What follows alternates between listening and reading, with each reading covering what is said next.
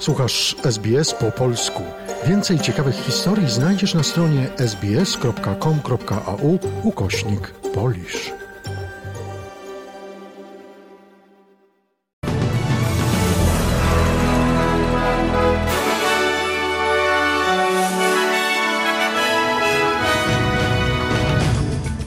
Dzień dobry, przy mikrofonie Dariusz Buchowiecki. Oto skrót najważniejszych doniesień w sobotę 27 sierpnia. Rząd federalny ma zamiar zmienić ustawę Fair Work Act. 23 kraje NATO z 30 ratyfikowały w parlamentach dokumenty dotyczące wejścia Szwecji i Finlandii do NATO. W Polsce podpisano umowę na zakup południowo-koreańskich czołgów K2 i haubic K9. Rozpoczynamy od doniesień z Australii. Rząd federalny ma zamiar zmienić ustawę Fair Work Act do końca roku ma być opracowana ustawa o równości płac. Reforma legislacji ma ułatwić narzucenie podwyżek płac w branżach gospodarki zdominowanych przez pracę kobiet, takich jak opieka nad osobami starszymi czy też edukacja przedszkolna. Minister do spraw zatrudnienia i relacji pracowniczych Tony Beck powiedział Nine News, że poprawki zagwarantują, iż Komisja Pracy będzie mogła rozpatrzyć różnice płac między mężczyznami i kobietami w tworzeniu przepisów dotyczących stawek płac.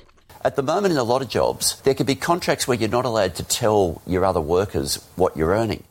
Obecnie w wielu zakładach prac mogą istnieć umowy, w których nie wolno ci mówić innym pracownikom, ile zarabiasz. I to jest naprawdę powszechna praktyka w miejscach, gdzie kobiety zarabiają mniej niż mężczyźni. Chcemy pozbyć się tych przepisów. W tej chwili różnica między płacą mężczyzn i kobiet w Australii wynosi około 14%, czyli około 250 dolarów tygodniowo. Australijskie firmy odnotowały wyższe zyski w ciągu ostatniego roku finansowego, pomimo zakłóceń w łańcuchu dostaw i gwałtownych rosnących cen towarów. Analitycy są ostrożni jednak co do tego, jaki jest pełny obraz i wpływ na zyski podwyżek stóp procentowych oraz ciągłych wyzwań geopolitycznych. Prawie 90% spółek z indeksu S&P ASX 200 podało do piątku swoje pełne lub półroczne zyski lub straty.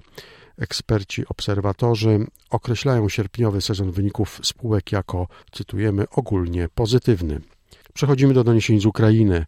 W ciągu ostatniego miesiąca z trzech ukraińskich portów w Odessie, Czarnomorsku i Jużnem wyeksportowano milion ton żywności, poinformował w swoim wieczornym wystąpieniu opublikowanym w mediach społecznościowych ukraiński prezydent Wołodymyr Załański. Prezydent podkreślił, że umożliwienie eksportu zboża z Ukrainy zmniejszyło również ryzyko kryzysu żywnościowego. Ukraina była, є і буде серед гарантирів світової продовольчої безпеки. Ukraina była, jest i będzie wśród gwarantów światowego bezpieczeństwa żywnościowego. Ten eksport nie tylko wspiera międzynarodowy status Ukrainy, ale także zapewnia miejsca pracy naszym obywatelom. Setki tysięcy miejsc pracy zapewnia dochód ukraińskim firmom i budżetowi państwa, a także, co ważne, zapewnia środki finansowe na rolnictwo w przyszłym roku. To naprawdę ważny wynik dla Ukrainy, dla regionu Morza Czarnego i całego świata.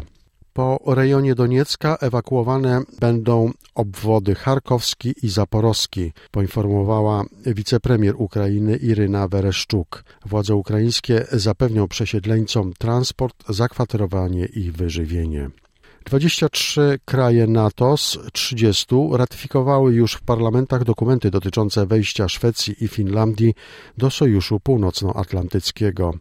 Poinformował o tym w Kanadzie sekretarz generalny NATO Jens Stoltenberg. Wyraził również zadowolenie z przebiegu rozmów przedstawicieli dwóch nordyckich krajów i Turcji, które odbywają się w Helsinkach. Władze w Ankarze uzależniają zgodę na ratyfikację do współpracy Szwecji i Finlandii w walce z terroryzmem. Węgierska Agencja Atomistyki zgodziła się na rozbudowę elektrowni jądrowej POKSZ 2. Dwa nowe bloki budowane będą przez rosyjski Rosatom. Przypomnijmy, że w 2014 roku Rosja przyznała państwu węgierskiemu 10 miliardów dolarów kredytu na rozbudowę elektrowni atomowej. Przechodzimy do doniesień z Polski. W Morągu podpisano umowę na zakup czołgów K2 i haubic K9. Południowo-koreański minister Agencji Planowania Zakupów Obronnych Kang Eun-ho podkreślił, że Polska wykazała się dużą determinacją, by zakupić koreański ciężki sprzęt wojskowy. Koreański minister zwrócił uwagę na dobre stosunki między Polską a Koreą Południową. 일반적으로 국가 간의 방산 협력은 최고의 Nasze branże zbrojeniowe mogą współpracować tak blisko, ponieważ jest między nami duża doza zaufania. W tym roku mija 33. rocznica zawarcia stosunków dyplomatycznych między Rzeczpospolitą Polską a Koreą Południową. W tym czasie udało nam się rozwinąć relacje gospodarcze, ale również wymianę kulturalną. Ten kontrakt wynosi nasze relacje na nowy, dużo wyższy poziom. 관계는 한 단계 더 격상되어 최고의 수준이 되었다고 감히 말할 수 있겠습니다. powiedział koreański minister. Oddano do użytku gazociąg międzysystemowy Polska-Szwecja. To połączenie dwukierunkowe, którym rocznie będzie można tłoczyć blisko 6 miliardów metrów sześciennych gazu w kierunku Polski i blisko 5 miliardów w stronę słowacką. Straż Graniczna poinformowała, że wczoraj funkcjonariusze odprawili z Ukrainy do Polski 25 tysięcy osób. W sumie od początku rosyjskiej inwazji z Ukrainy do Polski przybyło 5 milionów 809 tysięcy uchodźców. Z kolei z Polski na Ukrainę wyjechało wczoraj ponad 28 tysięcy osób.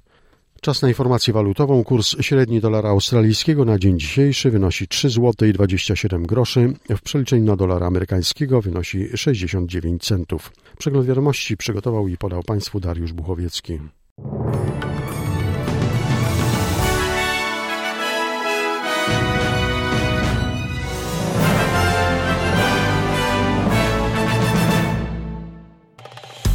Polub nas na Facebooku, udostępnij innym, skomentuj, bądź z nami na polskim Facebooku SBS.